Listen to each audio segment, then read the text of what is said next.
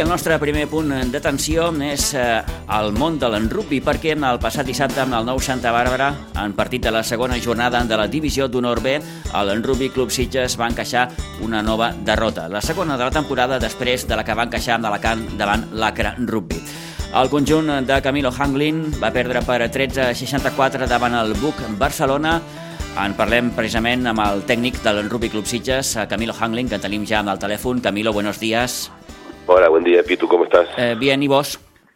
Bien, aquí. Hmm. Eh, te iba a preguntar. de un resfrío duro.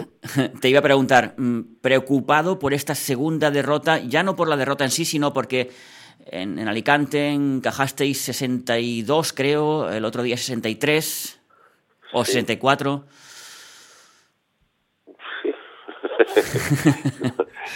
no es fácil, ¿no? No. No es fácil comenzar. Pero bueno, sinceramente es parte del juego. Cuando tú juegas al rugby, a veces no siempre ganas, más bien lo que, lo que más haces es perder.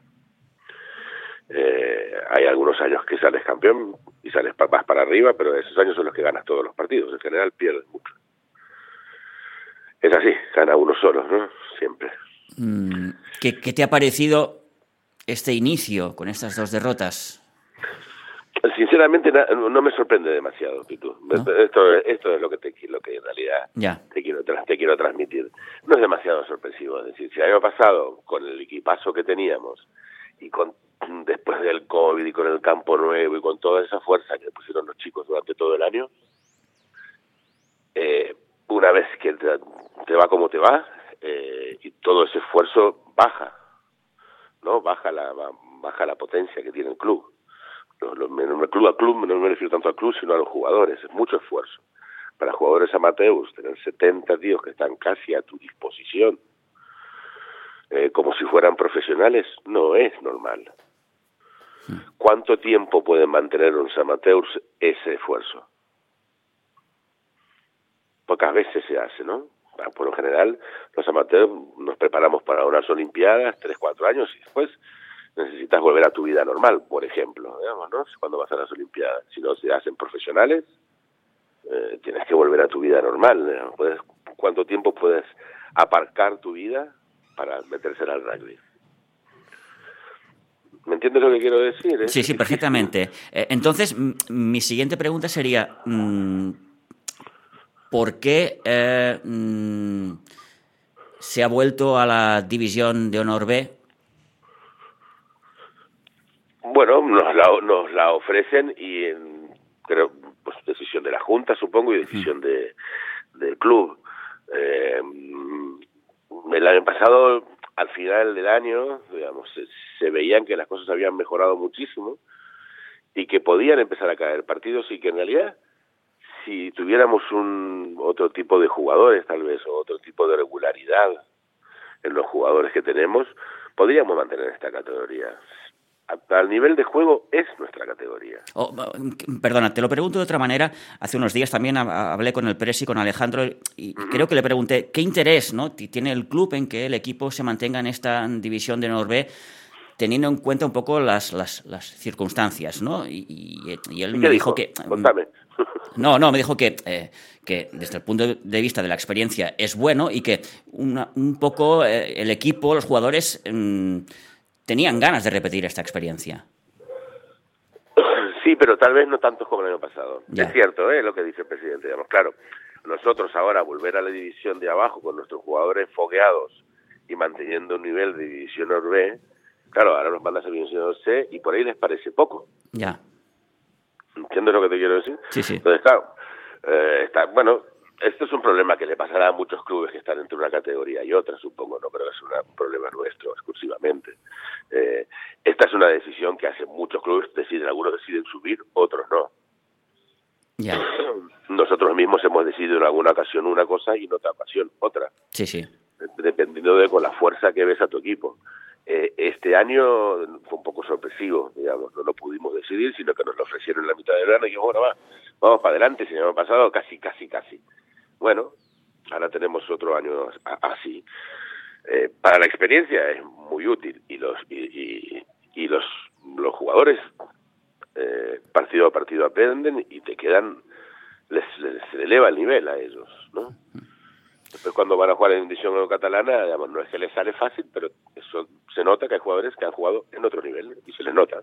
Lo mismo pasa con el fútbol, el básquet o cualquier deporte. Sí, es aquello de las categorías, Camilo, eh, y ahora lo comentas tú, ¿no? Un poco mm, eh, jugando en división de honor catalana, pues no diré que vas sobrado, pero bueno, mm, vas, mm, vas muy bien y quizás te falta para, para división de honor B. Sí, sí, sí, sí. Y, y no es que me falta mucho. Lo que me, lo que tengo, tengo 15 tíos que están en ese nivel, hmm. pero necesito 45. El, el, el Rugby genera jugadores de ese nivel. En su escuela genera jugadores de división de honor B y de división de honor, algunos de división de honor A o de absolutas. Eso es una realidad. Si en nuestras estadísticas tenemos jugadores que se van a jugar a otros clubes a un nivel mayor. Hmm hasta hasta Estados Unidos o hasta Francia. tenemos jugadores, el, el Rugby genera jugadores buenos, ¿no? A partir de ahí es, sí, pero como grupo, ¿dónde podemos jugar? ¿No? La mayoría de los jugadores en qué nivel están. Cierto también, sí, cierto también, Camilo, te quería decir que habéis perdido algún jugador importante, me viene a la cabeza ahora Noah, el caso de Noah, que, que bueno, se marchó a Burgos, mm, bueno. Sí, pero, pero no es un jugador que tiene 18 años. Sí, sí, sí, sí, sí. Y lo generamos nosotros. No es un milagro, no es que pateamos una piedra, hostia, un, milagro del cielo. No, no. Hubo que poner la inversión de, los padres y de la familia y de los clubes en los que fue entrenando y se le fue poniendo capa a capa un cierto nivel de jugador. No es el primero que saca el sitio. Ahora mismo tenemos uno en absoluta sub-18. Sí. Que no es otra vez otro milagro. No, no se le fue entrenando, se le fue enseñando, este era un chico privilegiado que aprendía bien, pues vale, termina en un nivel. No es el primero que sucede. Es decir, la escuela del Sitges genera un cierto volumen de jugadores bastante buenos.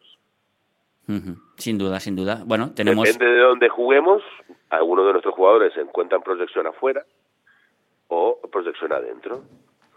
Eh, cuando hemos logrado que encuentren una cierta proyección adentro, se van quedando. No a mismo eh, se quedó un año más con nosotros porque estábamos en División Norbe. Cuando, bueno, va para abajo, vamos al C, o no va a ti, no, es un jugador de otro nivel, se va para afuera. Ya.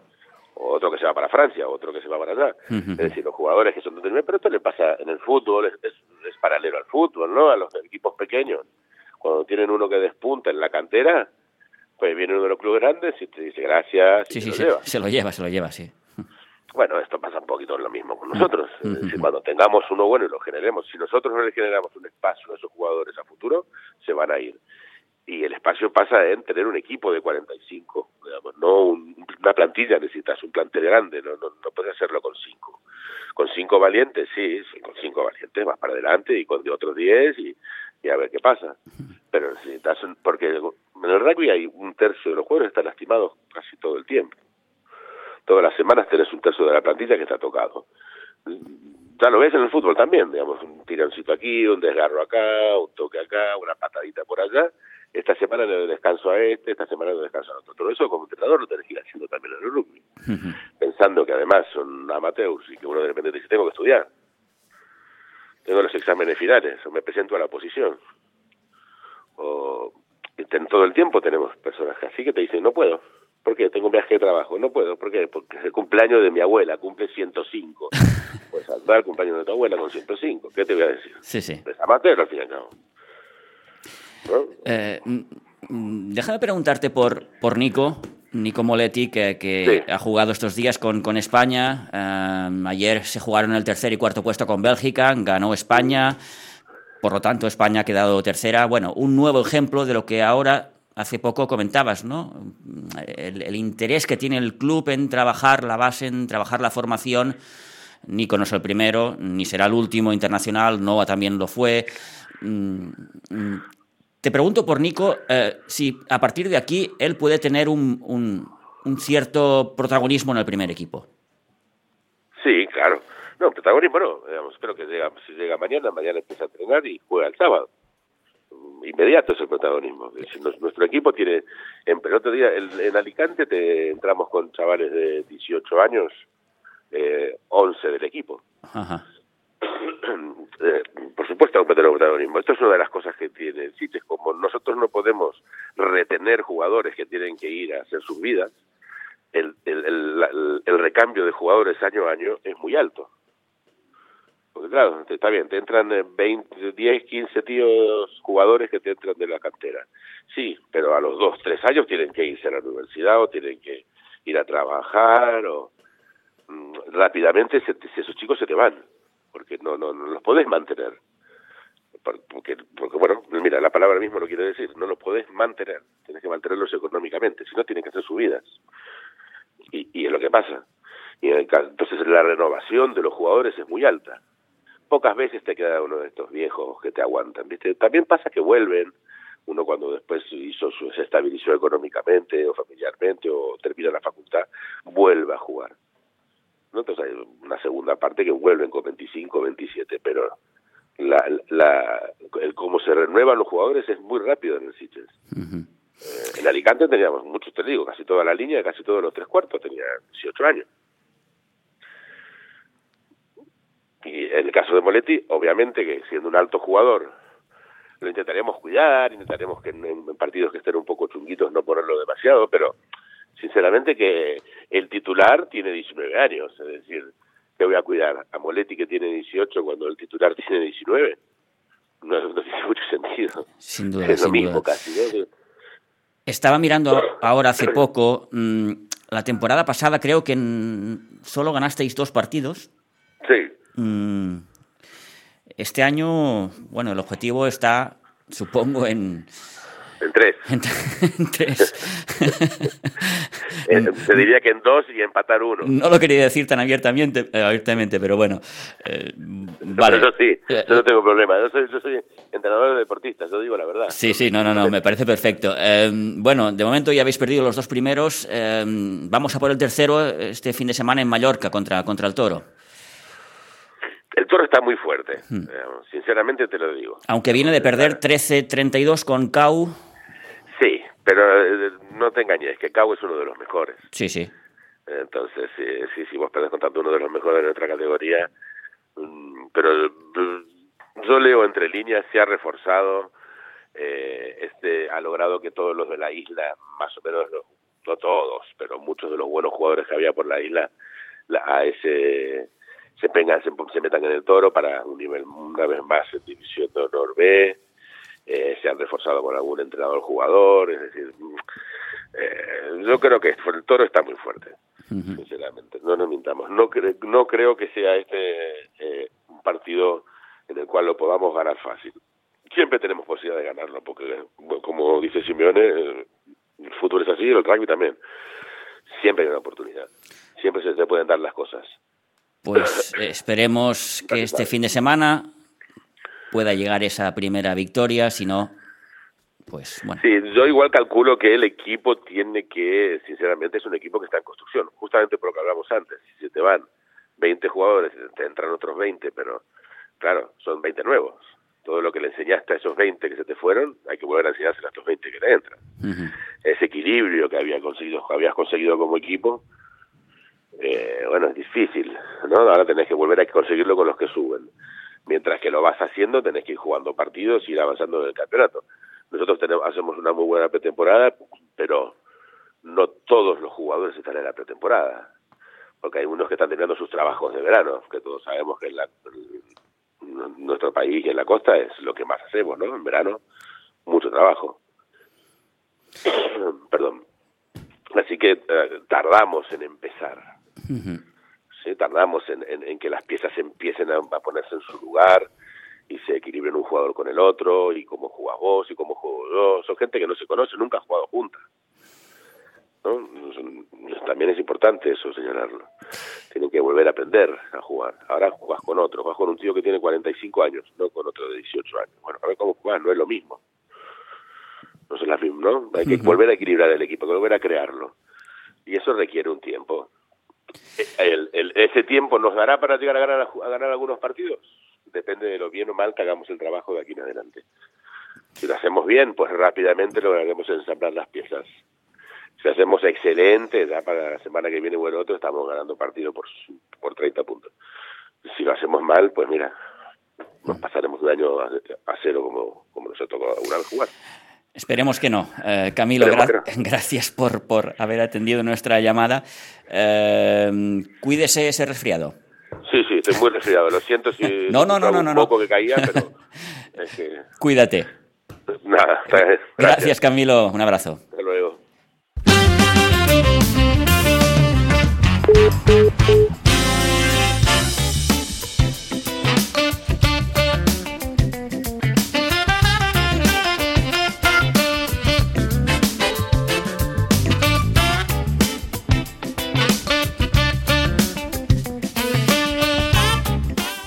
Doncs en aquesta divisió d'honor B d'en rugby, com dèiem, la derrota del Sitges 13-64 davant el Buc. De moment, després d'aquestes dues primeres jornades, Cau València és líder amb 10 punts, Hospitalet, Poble Nou, segon i tercer respectivament amb 8 punts, Sant Roque, en Gòtics i Sitges tanquen la classificació amb 0 punts, amb cap victòria. Per tant, objectiu trobar la primera victòria aquest cap de setmana a Mallorca davant el Toro. Eh, no tot són males notícies del món del rugby perquè eh, dels eh, quatre equips de les categories inferiors, tres han aconseguit la victòria. Per exemple, el Senior B es va imposar 26 a 25 al Gòtics B, victòria també del Sub-18 que va guanyar 28 a 31 contra el Sanglàs, victòria del Sub-16 14 a 17 contra el Badalona i l'únic equip que va perdre va ser el Sub-14 14 a 52 contra Fènix de Saragossa.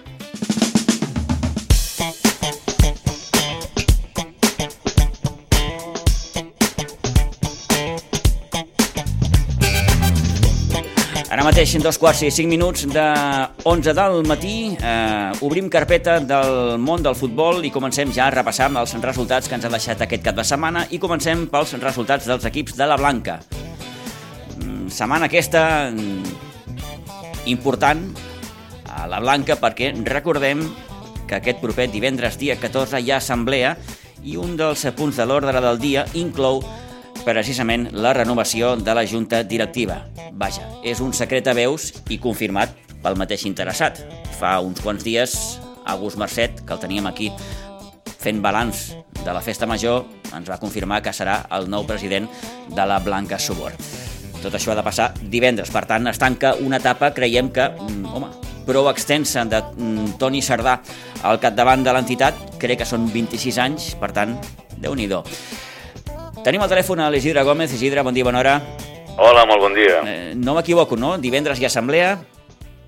Si és el dia 14, sí. Sí, senyor. Dimecres és 12, dijous 13, per tant, no falla. Divendres 14 amb l'assemblea i, i ve una miqueta... Vaja, eh, tenim aquest canvi al capdavant de la, de la presidència. Sí, no, aviam, és, eh, tot arriba en aquest món. O sigui, el Toni ja feia anys, eh, bueno, ja ho has dit, 26 anys quasi que està a la presidència. Sempre havia dit que si alguna vegada es trobava alguna persona que volgués continuar, pues que ell faria el pas al costat. Eh, el pas endavant l'ha donat l'Agustí i, i es farà aquest relleu. Bé, doncs ha arribat el moment d'aquest pas al costat de Toni Sardà i aquest pas endavant que dona August Mercet, que a partir d'aquest divendres encapçalarà ja Uh, la, la Blanca Subur. Mm, diguem que aquesta és una setmana de canvis perquè, bé, també hi ha hagut algun canvi que altre a les banquetes, uh, concretament a la del juvenil A, perquè, eh, vaja, aquest eh, passat dissabte el juvenil A ja va anar sense Raül Aroca a la banqueta a Calafell, eh, Raül Aroca que, bé, mm, per qüestions personals eh, ha decidit doncs, no continuar i, clar, això a la Blanca li ha suposat diguem que un problema perquè s'havia de buscar un, un relleu i aquest relleu ja té noms i cognoms, el de Rafa Porres, que en companyia d'Arturo Valera s'encarregaran de dirigir doncs, el destí d'aquest juvenil A que Isidre, de moment, no ha començat com tots voldríem. Bueno, aviam, eh, no ha començat, suposo que ben bé també perquè ens hem enfrontat a equips forts, que estan, són els líders en aquest moment, i a part suposo que també l'entrenador pues, eh, bueno, almenys aquesta setmana jo dic que els nanos quan el, el Raúl els hi va comunicar el canvi eh, van quedar molt enfonsats jo mai havia vist un vestidor mm, en aquesta situació la veritat i porto uns quants anys al futbol i he vist vestidors però els nanos van quedar molt, molt, molt enfonsats. Tot i amb això, ahir van plantar cara, eh, es van posar per davant en el marcador i fins que la gasolina va arribar, que va ser sobre el minut 50, 52, em sembla que es van ens van marcar el primer gol. Sí, sí, de fet, de fet de Blanca va començar marcant el, el 6, el 0 a 1, i, i la primera part va acabar amb aquest 0 a 1. No va ser fins al 52, com molt bé remarques, Isidre, que, que el, el conjunt de Calafell va començar a donar-li el tom a la situació. Ja dic, els nanos eh, han, estan molt tocats, molt tocats anímicament, eh, perquè bueno, el Raül Parells era el seu company, el seu entrenador, el seu amic, i ja dic, eh, aquests canvis no volguts, no, no, que, clar. diguem, no són volguts ni, ni, ni, ni desitjats, o sigui, ens ha, ens ha agafat en tots amb el peu canviat. Uh, ja dic, uh, fins que els, les forces físiques els van aguantar, ja dic, vaig parlat amb el Rafa i uh, diu, mentre els nanos anímicament van aguantar i, a la, i físicament van aguantar, el partit va ser, uh, el vam tenir de cara. Llavors sí, quan ens van marcar, ens van empatar i llavors ja ens vam venir una mica els braços avall, i ja, ja va sortir tot el, el trasbal de, de la setmana, o sigui que era, era d'esperar. Al final, derrota, com dèiem, per 4-1 al camp de l'Escola de Futbol Base Calafell. De moment, tres partits, tres derrotes. Potser el que més preocupa ara mateix és eh, la, la, la mitjana de gols encaixats. No? Van encaixar 4 a la primera jornada a Vilanova, 5 li va fer el Castell de Fels eh, aquí al Nou Pinsbens i 4, com dèiem, a Calafell. Són gairebé 4 gols pel per partit els que encaixa la Blanca, que, eh, com dèiem, haurà de millorar sobretot aquests dos aspectes, no? l'anímic i el físic, i a partir d'aquí doncs, eh, per, tirar, per tirar endavant. Vam començar per aquí, però tenim la resta de, de, de resultats. Isidre? Doncs pues mira, el juvenil B, continuarem amb ell, que va començar molt bé la, la Lliga, va guanyar 6 a 2 a Pinsbens contra la penya jove de les Roquetes. Tot i aquest gran resultat, pues, anem quarts a la classificació, i si imagineu els resultats que s'han donat una mica més amunt, o sigui, algunes golejades. Però bueno, el Dani em diu que tenim un equip molt tècnic aquest any i no tan físic i que veurem millor futbol mm. que no esperem. Continuem. El cadet B es va imposar 1 a 7 al camp de l'Atlètic Sant Just. El cadet B va guanyar a Pinsbens 3 a 0 al Vilanova i la Geltrú B. En categoria infantil tenim l'infantil de preferent aquest any, que és la, també una de les nines, que va guanyar 1 a 2 al camp del Terres de l'Ebre. L'infantil B va guanyar la, la penya jove de la Roqueta 7 a 1 i finalment l'infantil C es va ajornar a petició de l'equip contrari. En categoria de l'Evin, la Levin A va perdre 2 a 5 a Pinsbens contra el Sitges B. Uh, L'Alevin B va perdre 6 a 2 al camp del Castell de Fels. L'Alevin C va perdre 6, 5 a 1 al camp de l'Igualada G l'Alevin D va guanyar 0-9 al camp del Bas Vilanova 2015 i finalment l'E va empatar 4-4 al camp també a Pinsbens contra el Bas Vilanova 2015. I ara ens queden ja els Benjamins. El Benjamí A va guanyar 10-2 a Pinsbens a l'Òdina. El Benjamí B va guanyar 1-7 al camp del Sant Vicenç dels Horts. El D ens va perdre 7-1 al camp del Vilanova i la Geltrú i el C, els més petitets de la casa, van guanyar 7 a 4 Pinsbens contra el Riu de Villesà. Fent un resum, ens dona això 9 victòries, un empat, 5 derrotes i un ajornat, que per començar a arrencar-ho tot, doncs, pues, bueno, no, no, podem, està, no està malament. No està malament, no està malament. Doncs fins aquí aquest repàs de resultats dels equips de la Blanca. Gràcies, Isidre, una vegada més. Que vagi molt bé i bona setmana. Gràcies a vosaltres. Adéu-siau.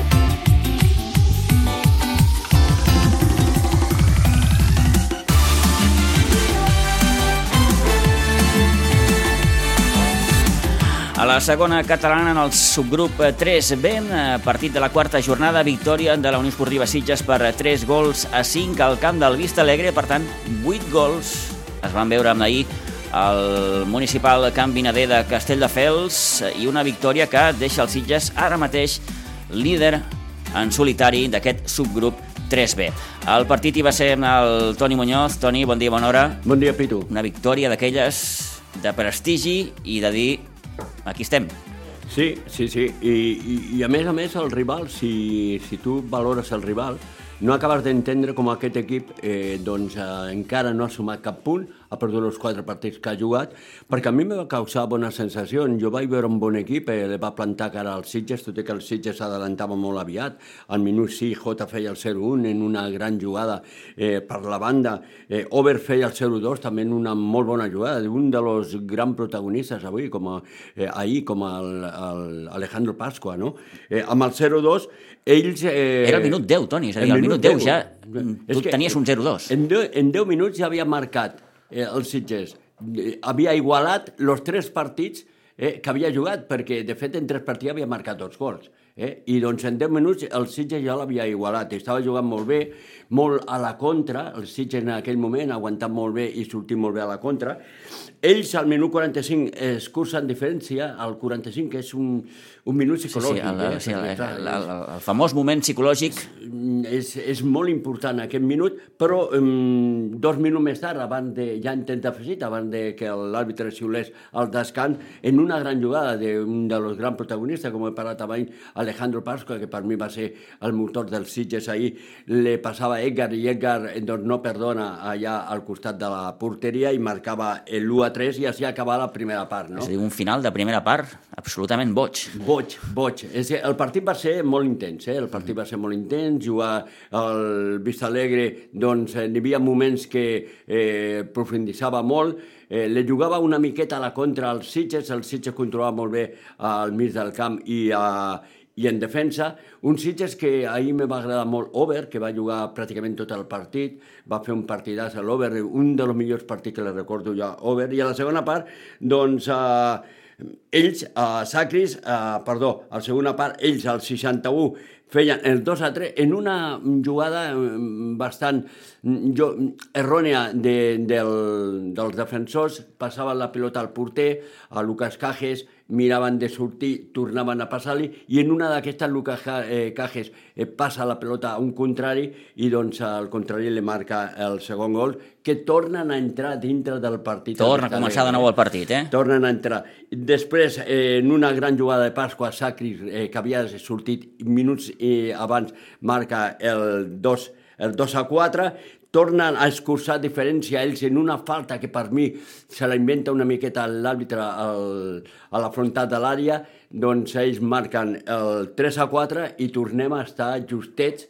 Ells tenen dues ocasions claríssimes en aquests minuts, minuts que els Sitges eh, no està... Vull dir, comença a treure una miqueta aigua de la barca en aquests eh, 3 o 4 minuts i al final, doncs, eh, en una gran jugada d'Alejandro Pasqua, eh, de fet, una, la crea ell, eh, fa la, le fan la falta i ell mateix eh, de falta marca el definitiu 3 a 5. Per tant, Alejandro Pasqua, que es va convertir ahir en l'autèntic eix és, sí, sí, d'aquesta victòria. De fet, ell ja lo va ser en l'últim diumenge aquí, eh, que va tenir ocasions per marcar més d'un gol, i al final doncs, no va mullar, ahir sí que va marcar, i a més a més, ell va passar dos o tres pilotes del gol, va ser per mi el milloret dels Sitges. És...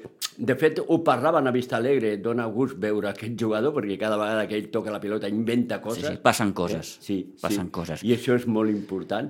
Eh? I bé, un Sitges que potser eh, a destacar és això, no? que marca 5 gols eh, en un partit, però que te, te marquen 3 quan els Sitges en 3 partits tan sol havien fet 2.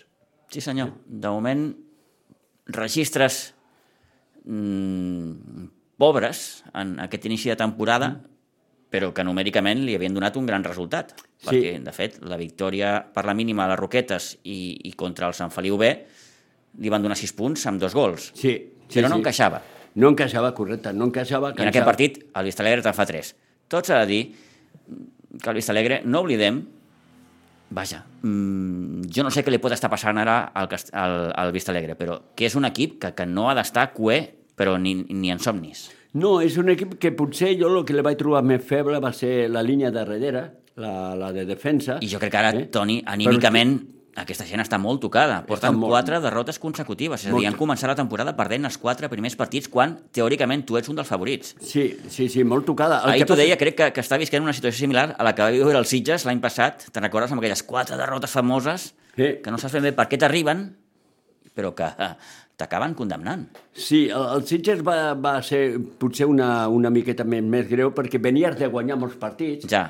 Entres en aquesta dinàmica eh, i tu no saps per què has entrat aquesta dinàmica i què és el que està passant, perquè clar, l'equip havia guanyat molts partits i doncs eh, entrava en, dinàmica que no guanyava un ni per casualitat, no? que tenia molta dificultat. El cap del Vista Alegre, doncs el que jo he vist és, és un equip que està tocat actualment però que mai dona la cara, eh, vull dir, mai dona la cara al partit.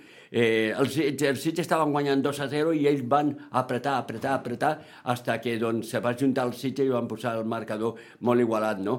El Sitges va fer un bon partit, però jo també eh, destaco molt aquest Vista Alegre, que no acabo d'entendre per què està baix del tot. Té molt bon delanters, jo penso que sortirà d'aquí. Lo té molt malament ja, perquè ja n'hi ha una diferència de 9 punts. Clar, ara el Sitges lidera 9 punts. 9 punts, sí, clar, sí. ara ho té malament, i sobretot en una competició tan curta, Sí. eh? En una competició, eh, competició tan curta. El Sitges lo té bastant bé, eh, queda entre els tres primers, però queda molt, molt, molt de campionat, Sí, sí, i això està molt igualat. Tenim un Sitges Cubelles al Sí. tombant de la cantonada molt, molt, molt interessant. Escoltem Toni Salido, el tècnic de la Unió Esportiva Sitges, eh, que respirava després d'aquesta victòria. Uf, eh, son tres puntazos, eh, es un gran equipo donde, donde ganando hoy ya nos distanciamos a nueve puntos y creo que, eso es importante, este campo es muy difícil, el juego de ellos es difícil de, parar porque tienen lanzadores muy buenos que te las meten arriba y arriba con peinadas y crean mucho peligro a las espaldas y bueno, la verdad que, hemos tenido que, luchar mucho, hemos sido más efectivos que, lo que veníamos viniendo, que creo que eso ha sido la, la- la- la clave de hoy, ¿no? de, que, de que hemos sido efectivos, hemos tenido, hemos tenido ocasiones, hemos vuelto a tener ocasiones, eh, pero hemos sido más efectivos que los otros días y eso es lo que nos ha generado ganar hoy, porque a la prueba está que era un gol, nos poníamos dos por delante y nos volvían a marcar y siempre íbamos con, con uno ahí, ahí, ahí y ellos pues claro, con, con los lances estos, sobre todo en la segunda parte, que bueno, que al final el desgaste físico también se nota y, y que ya por, por inercia te echas un poco más para atrás y las líneas se van rompiendo, pues, pues acaba sufriendo un poquito más, ¿no? Pero es un partido muy serio del Sitges hoy y hay que felicitarlos a todos desde, desde el primero hasta, hasta el último, ¿no? Porque esa Cris la primera toca que la primera toca la vez que toca la pelota, la primera vez eh, la mete dentro de los tres palos. Entonces, bueno, creo que es una gran victoria hoy eh, para disfrutarla y, y el martes pues empezar a preparar el derby. El partit se posava molt bé, eh? perquè de fet el primer quart d'hora el Sitges ja guanyava 0-2, però per mi una de les claus ha estat el gol que han marcat ells ja al minut 45 de la primera part, tot i que el Sitges ha tornat a marcar tercer, però ja començava a, a pressionar aquest eh, Vista Alegre que està amb l'aigua al coll i té que respirar com sigui, no? Bueno, yo creo que, que la reacción nuestra ha sido muy, muy buena en, en la primera parte, que ha sido marcar ellos y en la siguiente jugada hemos, no hemos vuelto a poner por encima y siguiendo dejando el diferencial de- de dos por arriba. Yo creo que la más jugada, la más clave es la de la que hemos intentado salir desde atrás, que, que Lucas ha dado el pase y bueno, y ahí hace de que, de que se me vuelvan a meter en el partido. Y bueno, eh, pero vuelvo a repetir, hemos reaccionado bien, hemos vuelto a marcar y bueno, un, lance, una falta, balón parado, nos meten un golazo que prácticamente imposible de pararlo. Entonces, bueno, siempre estás uno por debajo que con, con- con los lances y las peinadas siempre te crean peligro, pero, pero buena actitud del equipo, buen partido, muy serio, sobre todo volvemos a estar bien defensivamente, en que hoy hemos encajado bastantes goles, pero, pero estamos bien serios y, y hemos, y, y la clave de hoy que hemos aprovechado las ocasiones, que eso es importante, ser más efectivos. El, el, potser eh, una de les claus també ha estat, això m'ho diràs tu, eh, amb el, amb el, amb el, amb el 4-3, eh, doncs que tu has vist que al mig del camp potser mm, n'hi havia com un buit, eh, aquest, aquelles dues sortides no, de, de migcampista al mig del camp i després la tercera de Jaume Font, doncs potser eh, doncs, l'ha donat la tranquil·litat als Sitges quan ells estaven arribant, perquè han tingut dues ocasions claríssimes de gol, eh? Sí, bueno, la verdad que claro, al final hay un desgaste brutal en este campo, muy grande, muy ancho y sobre todo la gente del medio del campo, eh, bueno, cuando van pasando los minutos se va, se va notando y hay jugadas ya que no acabas de llegar y bueno, pero por eso tenemos una plantilla competitiva, ¿no? Donde, donde pueden salir y, jugar todos. Hoy la toca a Over, que prácticamente no venía participando y ha hecho un muy buen partido, un partidazo, creo que hay que felicitarlo y ha estado siempre cuando no ha estado con el equipo y siempre está metido, entonces por lo cual eh, me quedo con, eso, ¿no? que la gente que, que, sale responde y eso es muy importante cara, cara afrontar toda una temporada porque necesitamos de todo, no, no podemos necesitar de, de, de 11, sino necesitamos de todo.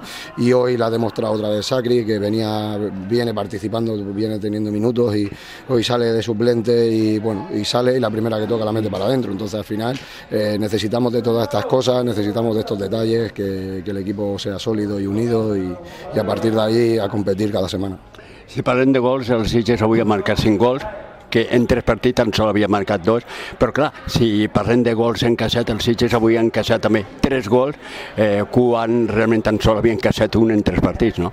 Bueno, eh, son, al final los partidos son distintos, aquí tienen más espacio, al final eh, también hemos, eh, hemos generado peligro, al igual menos incluso que, que, que los otros partidos que veníamos haciendo, que, que, cada dos minutos generábamos una, y aquí no la hemos tenido que, trabajar más para tener ocasiones, que, al final la hemos tenido, pero bueno, al final lo que, lo que sí que tenemos claro que tenemos gente que mete goles. Entonces, si tú vas generando ocasiones, llegará el día que, que empiezas a meterlas, porque no tampoco es normal eh, fallar tantas ocasiones. Entonces, estamos tranquilos porque generamos ocasiones, este, sabemos, confiamos y, y, sabemos que tenemos gente arriba que tiene pegada y tiene pólvora. Y hoy, por ejemplo, pues mira, hoy ya, ya han entrado cinco, ¿no? Entonces, pues bueno, eso, eso es una nota positiva. Al final estamos sacando resultados con, con, con bajas importantes que no nos no, no nos acordamos, ¿no? pero son bajas importantes. Eh, tenemos Carlos, tenemos Víctor, eh, sobre todo darle un fuerte abrazo y cariño a Marcol, que tuvo un accidente de tráfico eh, al venir de, de, de, del entreno y hoy no ha podido estar cuando venía a un nivel espectacular Marcol. tenemos a Mañé, David Gómez, bueno, al final tenemos cinco, cinco jugadores que son muy importantes para nosotros, como el resto del grupo, que, que no están aquí para ayudarnos. Entonces, bueno, igual como de momento no nos hemos acordado de las que hemos fallado porque hemos ido sumando, pues ahora mismo pues eh, los que estamos están rindiendo, están cumpliendo, pero sí que es verdad que, el equipo el equipo va a mejorar porque en cuanto recuperemos gente y empiecen a entrar ocasiones, eh, solamente va a ir el equipo para arriba, no podemos ir a menos. La última, eh, Toni, eh, ara el derbi, un derbi que es presenta complicat, no? perquè ells venen en un gran moment, té un gran equip al Cubelles i el Sitges ho està demostrant, no? Sí, lo tenemos claro, sabemos que, que Cubellas tiene un buen equipo, eh, tiene muy buenos jugadores en todas las líneas, sabemos que crean mucho peligro, eh, al final también Capa es un tío competitivo y sabemos que, que, va a intentar sacarle el máximo, lo va a preparar bien y nosotros vamos a hacer lo, mismo, ¿no? intentar de preparar bien el partido del derby eh, para intentar rascar los tres puntos y bueno, y esperemos que, veamos a un buen Siches y, y tengamos a jugadores eh, eh, que, que, haya un poco de ambiente. Independientemente que está el cine fantástico, va a costar aparcar, pero bueno, eh, a ver si, si, entre todos montamos un, buen derby, que sobre todo que, que haya fútbol y, bueno, al final competiremos los dos equipos y veremos a ver quién se lo lleva.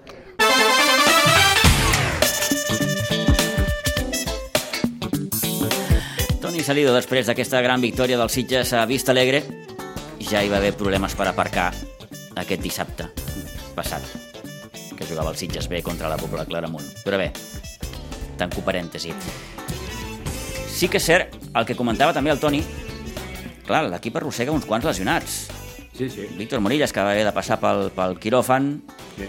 aquest Maller. accident malaurat uh -huh. que va patir el Marc Cols, uh -huh. mm, Mañé, Mañé, Carlos, Carlos David Enarejos, Gómez... Que tan sol ha jugat un partit. Sí, sí. Carlos Enarejos, per tant, és una nòmina de lesionats important sí. i, com, com bé deia Toni Salido, quan els tinguem tots, clar, això ha d'anar cap amunt, per sí. força. Sí, sí, i això porta a doncs, que els jugadors que estan destacant en l'equip B doncs, uh, tinguin el seu minut. Ahir, per exemple, no va tenir minuts, però va anar convocat eh, Pau Junyent, eh, que ja va tenir minuts en el, en el penúltim partit del Sitges a casa, en l'últim partit del Sitges a casa va tenir el seu minut i fins i tot va poder marcar un gol. Eh, té molts minuts també Musa, eh, perquè de fet ahir va ser titular tot el partit amb Musa, eh, que és un jugador que ja està en la disciplina del primer equip, però clar, no oblidem que l'any passat estava jugant amb el B, sí. o el cas de Jaume Font, no? que és un jugador que ahir le va anar molt bé doncs, per a tranquil·litzar una miqueta el mig del camp, en un moment complicat pel jugador, perquè no és el mateix quan que te treguin al terreny de joc quan falta 7 o 8 minuts i en un moment doncs, que ells estaven apretant molt clar, fort. Ell estava apretant. I, I un nano molt jove, no? Sí, sí, sí. Eh, sí, doncs, sí, sí. Per això, però clar, és una bona experiència, ells estan allà i estan fent la seva feina. Per això se valora molt la feina que estan fent en el B. Eh, una jornada que ens ha deixat l'empatador entre el Sant Feliu B i el Cabrils, eh, l'Aleti Vilafranca, que va derrotar el Moja per 3 a 1, el Cubelles, que va guanyar 3 a 2 al Sant Vicenç dels Horts, i la Penya Jove, que va perdre a les Roquetes 2 a 3 contra l'Espluguenc. Això, traduït a la classificació, vol dir que el Sitges és líder amb 9 punts, amb 7 punts tenim uns quants equips, tants com quatre, Espluguenc, Cubelles, Moja i Sant Vicenç, eh, Gavà i Aleti Vilafranca, 6 punts, Penya Jove 3, Sant Feliu B 2 i tanquen la classificació el Cabrils amb 2 i el Vista Alegre, com dèiem, encara sense, sense puntuar. Proper partit dissabte, dissabte a la tarda Iguadols a partir d'un quart de 6 contra el Cubelles. Partidàs perquè, com deia el Toni Salido, el Cubelles també està en un bon estat de forma. Sí, sí, el, el Cuella ja sap el que és descansat, eh, porta eh, 7 punts, eh, 3 partits jugats, dos a casa, dos victòries i una al camp del Moja amb un empat, no? És el contrari al Sitges. Sitges eh, ha guanyat més partits a fora que a casa, a casa ha, ha guanyat un i a fora ha guanyat dos. Al grup 12 de tercera catalana destaquem, com no, la victòria del Sitges B que dissabte es va desfer sense problemes 7 a 2 de la Pobla de Claramunt. Una primera part que finalitzava amb un 2 a 0 gràcies als gols que anotaven de Pineda i Manu Muñoz. Manu Muñoz que eh, teòricament, com apuntava Toni Salido fa uns dies, és un fitxatge pel primer, primer equip, Sí, però s'ha d'anar foguejant sí, sí. també a tenir minuts pel, pel segon equip. Sí, perquè ve de, de tenir pocs minuts. Eh, el Manu doncs, l'any passat va jugar a la penya jove. De la penya jove la va fitxar Vilanova. Es veu que les relacions amb en Xavi Vilagut o ell no se sentia còmode i va, i va, eh, va marxar del Vilanova i ve al Sitges. El Sitges no, no ha tingut minuts fins ara, sí que va tenir minuts en el B i fins i tot ahir anava doncs, convocat amb el primer equip, tot i que no va tenir minuts ahir. Van completar la jornada amb els gols de Gerard Fernández, eh, Max Gili, Manu Muñoz, que va anotar eh, un segon gol, Marc Silva. Ells sí que van, va haver un intent de reacció, en, en un minut van anotar dos gols, es van posar amb 6 a 2 i al final Josep Sánchez va anotar el definitiu 7 a 2. Tot s'ha de dir que la Pobla Claramunt, Toni, va ser un equip doncs, molt correcte, que va intentar jugar, que no... Vaja, que va venir aquí a, a intentar jugar, repeteixo, perquè uh, un equip en les seves circumstàncies doncs, ve aquí a destruir, a aturar el joc, no va ser així. Sí que a l'últim moment va haver una miqueta de, de, de, no, no diré ni de picabaralla, eh, però un jugador d'ells es va molestar, en fi, que va ser una cosa allò de... i l'àrbitre va pitar al final perquè, clar, amb 7 a 2 que vas a buscar, però bé, va ser un partit I potser de més- guante blanco, eh, gairebé. Sí, sí, i potser era més veterà. Sí, aquest sí, jugador, sí, un dels més veterans. Un del, és un equip molt jove, patirà aquest equip per mantenir la categoria, però és un equip molt jove i de cara a futur és interessant. Tenia una baixa important, ara ho escoltaran, Sí. ens ho apuntava el Sí. seu tècnic Àlex Villalgordo, que, que venien sense el seu davanter Sí, referència, sí, per tant, el també que marca els gols, en, sí. en problemes sobretot a nivell, a nivell anímic. Uh, victòria, com dèiem, per a 7 a 2, i aquesta era la valoració que feia Àlex Villa del seu tècnic d'aquesta victòria. Sí, avui ha sortit tot bé, eh, la veritat que hem tingut el domini del joc, eh, hem pogut sortir amb la pilota jugada, crear ocasions a partir de tenir la pilota, que és el que busquem. Hem entrat molt bé al, al partit i això ha fet que ells en cap moment tinguin opcions. Un partit, vaja, molt còmode, no? Sí, a veure... Eh, Eh, Comentaven també que aquests partits, segons com, si no els gestiones bé, et poden sortir malament. Són partits trampa, nosaltres sabem que pues, tenen 0 punts a la Lliga, estan com una mica marmats, han vingut pocs jugadors, però és una arma que se't pot girar, perquè si tu veus que contra un equip d'aquests no pots fer gol, no et surten bé les coses, és com que et fiques nerviós i, i et pot anar en contra, però ja et dic, hem tingut la sort de fer dos gols, la sort o l'encert de fer dos gols a la primera part i a partir d'aquí pues, l'equip ha, ha crescut i, i ha anat cap amunt. Eh, I això serveix també una miqueta per, per gestionar la banqueta, per donar minuts, com s'ha vist avui. Sí, sí, a veure, sabem que tenim una plantilla molt llarga i molt bona de jugadors, jo crec que el nivell està molt, molt equiparat i ha servit pels jugadors que no havien tingut gaires minuts doncs, per, per poder donar ritme, eh, que tots se sentin importants, crec que els gols han sigut molt repartits, que això també està bé perquè per ells, pues, per agafar confiança va bé i llavors molt content, molt content per ells sobretot. Heu tingut a sobre un reforç de luxe com és el Manu? Ostres, el tindrem que aguantar tota la setmana eh, amb dos gols.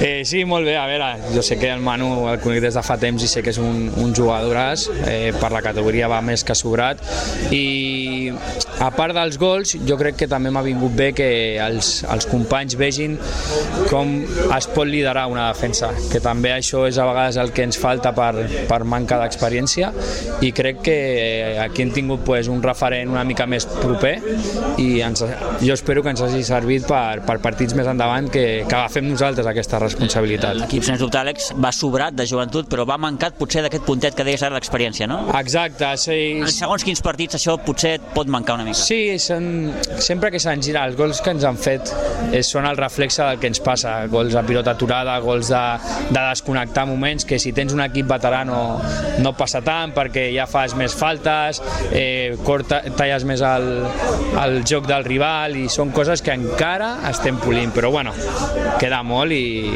i s'ha d'aprendre de tot. Bueno, quin balanç faries d'aquest inici? Mm, Positiu, molt positiu, perquè els dos partits a casa a priori pot semblar que són contra rivals que estan a baix, però bueno, eh, els dos que hem jugat fora són partits difícils. El Vilanova del Camí està cridat a ser el campió, que ja ho veurem, i a la Granada sempre el seu camp és un camp difícil i no és gens fàcil, i començar amb 7 punts pues, jo crec que és, que és positiu. Important assegurar els punts d'aquí d'Aigua Dols. Exacte, nosaltres creiem que que això ha de ser un fortí, que, que la gent, els rivals tinguin respecte a venir, de dir, ostres, és molt difícil sumar aquí, i sempre sumar, sempre sumar fora que es pugui. Què t'ha semblat la Pobla? Ara ho comentàvem fora de micròfon, una miqueta se'ls ha vist una miqueta capcots. Sí, jo crec que estan passant, no estan passant un bon moment. Avui els hi faltava el, el Samuel, que és el, el jugador d'ells referent a dalt. També quan falta un jugador dels, dels que és important es nota molt en, en la mentalitat de l'equip i venien pocs jugadors sense porter de reserva i aquestes coses sembla que no, però després al camp es, es reflexen i bueno, jo els hi desitjo tota la sort perquè, perquè no tenen culpa de la situació que tenen i segur que es reforçaran i sortiran endavant. Bé, i a favor de- d'ells s'ha dit que han vingut a, a intentar jugar, vull dir, qualsevol equip d'aquests mm, et ve a destruir, ells no. Sí, no, no, nosaltres pensàvem que a lo millor buscarien això, parar el partit, fer faltes, treure'n el partit. Jo he vist un partit amb jugadors molt nobles, sí que ha hagut alguna i al final, Ah, això. fruit del, del resultat també, que és normal, però, però m'ha sorprès això que deies tu, que intentaven jugar i dedicar-se només al futbol i bueno, és també és D'agrair. d'agrair i de valorar que, que siguin així. Molt bé, et faig l'última a Montbui la setmana que ve. Pues partit difícil. He, he buscat informes i ja m'he informat i tenen un bon equip, però bueno, al final jo crec que amb els jugadors que tenim hem d'anar a guanyar cada partit. Quin partit no és difícil, eh? Exacte, si no és per A és per B i si no és per C. Però bueno, és un camp complicat i, i tractarem d'anar allà a competir com sabem fer, a fer les coses que practiquem durant, durant els entrenos i que ens surti bé. I si ens surt bé, jo no tinc cap dubte que competirem. Molt bé, Àlex, moltes gràcies, eh? A tu, Pitu. Bé, doncs la valoració que feia Àlex Villalgordo després d'aquesta victòria 7-2 davant la Pobla de Claramunt, una victòria que ara mateix deixa el Sitges B eh, cinquè a la classificació amb aquests 7 punts. Toni, de moment sembla que el Vilanova del Camí està marcant ja una certa tendència i distància. Sí, sí, sí. Vilanova del Camí que va guanyar en 0-3 a Capellades, de moment ha guanyat tots els seus partits. Ja lo parlaven, no?, de que sí, l'any passat ja tenia un equip eh, guanyador, aquest any doncs s'ha reforçat i aquest any serà l'equip que marcarà les diferències a dalt. Sí que és cert que tampoc l'ha caigut eh, enfrontaments amb equips eh, que poden fer-li mal, com el cas del Rui de Villas, el cas d'equips d'aquests. El, el Sitges sí, però el primer partit, que el Sitges encara no estava. Ara, a partir d'ara, doncs el Sitges sí que doncs, pot demostrar molta cosa, o el Ribas, o equips que poden posar-li contra les cordes al Vilanova del Camí. Però de moment el seu camí és molt, eh, molt cap amunt i doncs eh, jo penso que serà l'equip eh, que marca la diferència. I en un dels partits de la jornada, el Ribas eh, va perdre a casa 1-2 contra l'Olivella. Sí, un Olivella que està força bé, que va treure un bon resultat. De fet, aquest partit ho tenien que jugar a Olivella, però van mirar de canviar-lo en vez de jugar dissabte, jugar eh, dijous, amb la particularitat que es jugués a Ribes, no? Es va jugar a Ribes, l'Olivella va sumar tres punts importants, la llàstima d'aquella derrota que va patir, eh? Perquè ara per ara estaria amb el Vilanova del Camí, però jo penso que és un equip que farà moltes coses, aquest Olivella, amb Idris eh, Dibuls a la banqueta. Uh -huh. Qui està fort també, Toni, és el Torrellenc. Torrent molt bé. Eh? 0-4 va guanyar Montserrat Igualada, compte, és un molt bon resultat aquest. Sí. Guanyar al camp del Montserrat Igualada no és gens fàcil. No, tot i que el Montserrat Igualada aquest any encara no ha sumat, és, sí, sí, és un equip punts. que està patint. L'any passat ja va començar la davallada i aquest any doncs eh, l'està registrant igual aquesta davallada, però el Torrent m'està sorprenent molt. Allà està el David Plaza Codro, el Codro està jugant en el Torrent, se sent còmode i home, aquest equip m'ha sorprès bastant eh, i pot fer molt bones coses aquest Torrent, almenys, almenys almenys de jutge. Sí, sí, almenys és un equip que ara mateix està segon amb 10 punts, uh -huh. està a mhm. dos del líder, eh, bona lluita en aquest inici de temporada pel, pel conjunt de, de, de Torrelles. El Sitges B que diumenge jugarà amb el camp del Montbui. Uh mhm. -huh. Home, és un... Visita Igualada, per tant... És un camp complicat, eh? Sí. Sempre Igualada. Montbui, fet, que en aquesta Montbui última jornada va perdre 3 a 1 amb, amb l'Atlètic Vilanova. Sí, un Montbui que me dona la sensació que juga al camp del Sant Mauro. Eh? Sí. Dóna aquesta sensació. De sí, fet, sí, sí. Eh, ja fa temps que juguen en aquest camp i doncs serà un camp gran, un camp complicat, però també un camp gran que li pot anar molt bé al Sitges, perquè són nano molt jove, pressiona molt bé mm. i es pot veure un bon partit. Veurem què passa. 11 i 9 minuts, deixem el futbol, anem a l'hoquei. Okay.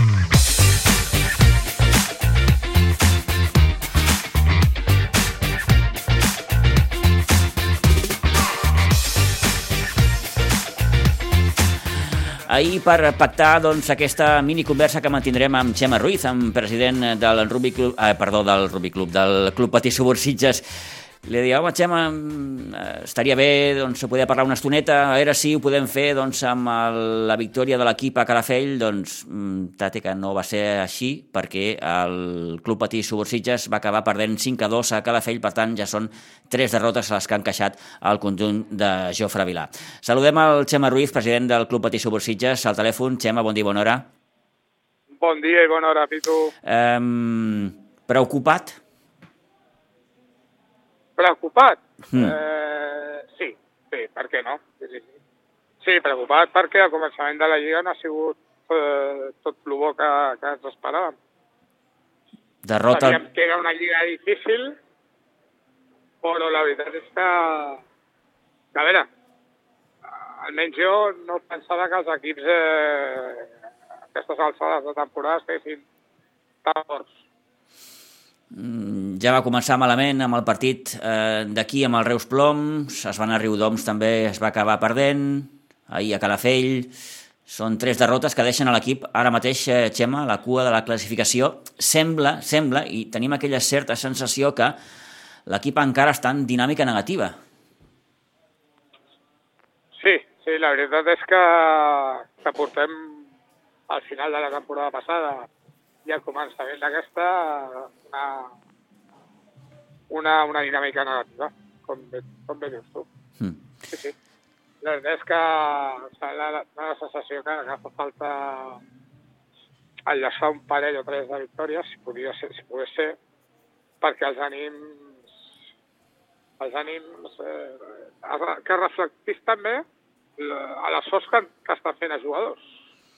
Mm. Perquè ara, de moment, no s'està reflectint aquest esforç i et dic la veritat, sembla que per esforç no és, perquè no s'ho estan donant tot. No, ara potser és una qüestió més, més anímica, no? Sí, jo suposo que, que, que ara tot el cos tècnic que ha d'aconseguir és que, que els ànims dels jugadors i, i, i pugin i que, en certa manera, es creguin que poden fer una bona temporada. Eh, clar, de moment ja has començat malament, eh, per tant, teòricament les coses han de millorar. L'equip és el que és, eh, és, és l'equip gairebé no, no ha canviat, Xema, és, és el mateix de la temporada passada. No, no, és el mateix de la temporada passada. A partir d'aquí... No... La, a veure, la, la temporada passada va haver-hi molts partits que vam donar la cara. Mm. Que de, la recordo de parlar amb tu que que el que necessitàvem era una mica de sort, perquè hi havia hagut partits de la temporada passada, equips molt superiors, eh, que hem donat la cara. Eh, la sensació que aquest any és una mica això, no? I a veure si poguéssim enllaçar un parell de victòries i que, i que el que reflecteix a la, a la, a la classificació canvi. Mm -hmm. No sé si dic, comença a urgir eh, una victòria, bàsicament perquè, clar, si comences a encadenar derrotes, derrotes, derrotes, aleshores sí que després ja fas tard. Sí, sí. El que passa que no es podem confiar, aquesta temporada és igual que la de l'any passat, en el sentit de que els quatre primers classifiquen per fer una altra lligueta i els quatre i últims es classifiquen per evitar els descensos. No es podem enrefiar d'arribar a, a, a jugar la, la lligueta del descens amb aquest estat anímic. No, no. Eh, teòricament, fins fa poquíssim, Xema, eh, la segona catalana era la darrera categoria. Ara recordem que eh, hi ha una tercera catalana, per tant, pots acabar baixant. Sí. Sí, per això, per això, per això. I aquest és el perill ara mateix, no és a dir que eh, el perill és que en dos anys caiguis de primera a tercera catalana. Ah, no, no s'ho podem permetre, això. La veritat és que com a club, eh, bueno, l'any passat va, va anar com va anar i, i les circumstàncies van ser les que van ser, però aquest any la veritat és que no, no ens ho podem permetre. El que passa, Xema, és que clar, tot això us enganxa amb el club, diguéssim, amb aquest període de, diguem-ho així, de reconstrucció. Sí, però bueno, les bases estan posades, eh, Pitu. La, la, la, el que és el, el, el, el hockey base a Sitges està molt ben treballat. Ara mateix eh, tenim uns equipets que estan força bé, Mm. el que és la base. La reconstrucció està donant ja, però diria que està donant ja els seus fruits en, aquest, en, aquest, en aquestes categories. El, el problema el tenim amb el sènior, que, que bueno, suposo que, que és qüestió de, de, de tenir paciència, de treballar, de fer molt de treball. Això la sensació que és més és un treball del, del cos tècnic que no pas de la, de la Junta, perquè nosaltres, la, la Junta poc podrem fer si, si al, al camp els jugadors no estan, no estan com han d'estar i les, si el cos tècnic eh, treballa com ha de treballar. Perquè, eh, pregunto, el, el club ara mateix es pot permetre eh, alguna incorporació pel primer equip?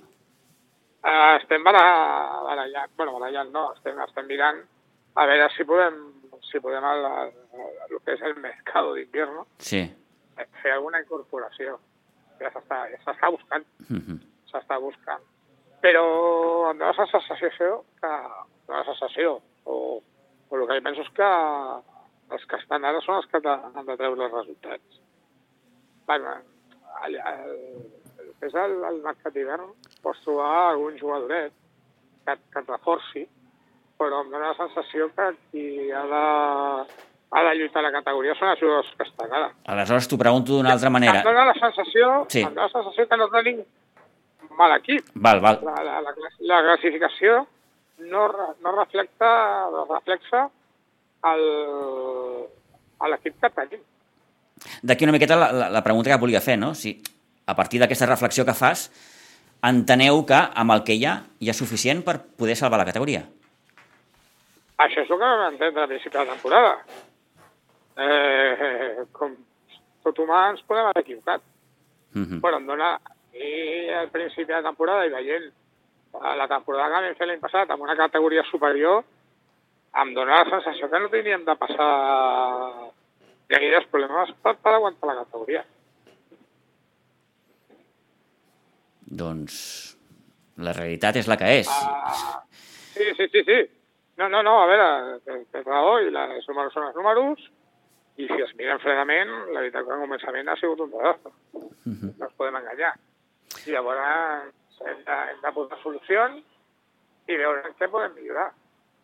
Mm, D'entrada, l'únic que podem fer és millorar. sí, sí, d'entrada, eh, això, l'únic que es pot aspirar és a millorar i, i, vaja, la primera pedra passa per guanyar el Vendrell el proper dia 22, aquí a Pinsbens. perquè si no, clar, una altra ensopegada sí que gairebé et condemna a jugar aquesta lligueta de la permanència i això seria, seria fatal. En fi, eh, Xema, mm, res, que volíem una primera aproximació d'aquesta temporada. Ho deies també ara fa uns moments, no? Sortosament, la base s'està treballant bé. Ara hi ha uns quants equipets, hi ha un infantil, hi ha els alevins, els benjamins, el prebenjamí, vull dir que continua existint aquesta, aquesta, aquest forat entre infantil i primer equip, però bueno, de moment la cosa s'està sí. treballant prou bé. Sí, però això ja ho sabíem, que, que, que existia i que existirà. És que, que no, no, no s'ha fet gran. El tema escola ens està funcionant molt bé. Estem agafant molts nens de les escoles. Ara ja fer una mini reunió i la veritat és que a la, a la vena de les escoles tot un èxit. Mm. La, la idea que tenim com a club i que em sembla que, que, que és la que hem de tirar endavant. El, el, el segona és, és un mirall per aquests nanos i d'alguna manera l'hem d'aguantar i promocionar i fer que d'alguna manera funcioni. Mm. El que deia, a veure, és una, una sensació que és una mica... Bueno, eh, que quan arribin els primers bons la, la situació acaba han de guanyar, han de guanyar un parell de partits. Uh -huh. Ara sí. un parell de partits i llavors eh, els ànims canvien. Segur que sí. Et faig l'última, ara sí. Eh, està a punt d'entrar un, un sponsor important al club, és cert? Ja ha entrat. Ja ha entrat. Ja ha entrat, ja ha entrat. Ja ha entrat i és un, un sponsor que està molt il·lusionat amb la base i que, i que, i que doncs, eh, és, és on hem de treballar. Mm -hmm. doncs... Verdaderament, el, les negociacions amb aquest nou sponsor, eh, a més, un, és un patrocinador de casa, de fitxa, per tant, això, això ens ha, ens ha d'ajudar molt. És un, és, un, és un patrocinador fort i verdaderament eh, el que s'ha treballat en les negociacions ha sigut eh, que la base sigui molt forta aquí a casa. Doncs ho celebrem. Xema, gràcies per haver-nos atès una vegada més, sí. que vagi molt bé i, i vinga, cap amunt. Moltes, moltes gràcies, Pitu. Gràcies. Igualment, adéu-siau. Adéu. Bé, doncs eh, anem acabant repassant aquests eh, marcadors eh, d'hoquei patins, aquesta derrota del Club Patí Subursitges a Calafell que deixa l'equip a la cua de la classificació, de moment sense puntuar, proper partit contra el Vendrell el dia 22 d'octubre. Eh, hi ha encara uns quants resultats més del món de l'hoquei herba perquè els equips del Sitges Hockey Club han començat ja les seves competicions. Recordem que l'equip femení, eh, que juga a segona categoria, forma equip amb el Sant Andreu, van perdre 12-0 amb el Castelldefels, també va perdre l'infantil 6-3 davant el club hoquei Sant Andreu, derrota també de l'Aleví 1-2 amb el eh, Can Sales i els més petits, els benjamins. El benjamí vermell va perdre en 0-10 amb el Pedralbes i l'equip blau va perdre 3-7 amb l'Iluro eh, de Mataró. 11 i 21 minuts del matí, fins aquí el repàs a la informació esportiva del cap de setmana. Toni, moltíssimes gràcies. Molt bé, Pitu. Que vagi molt bé.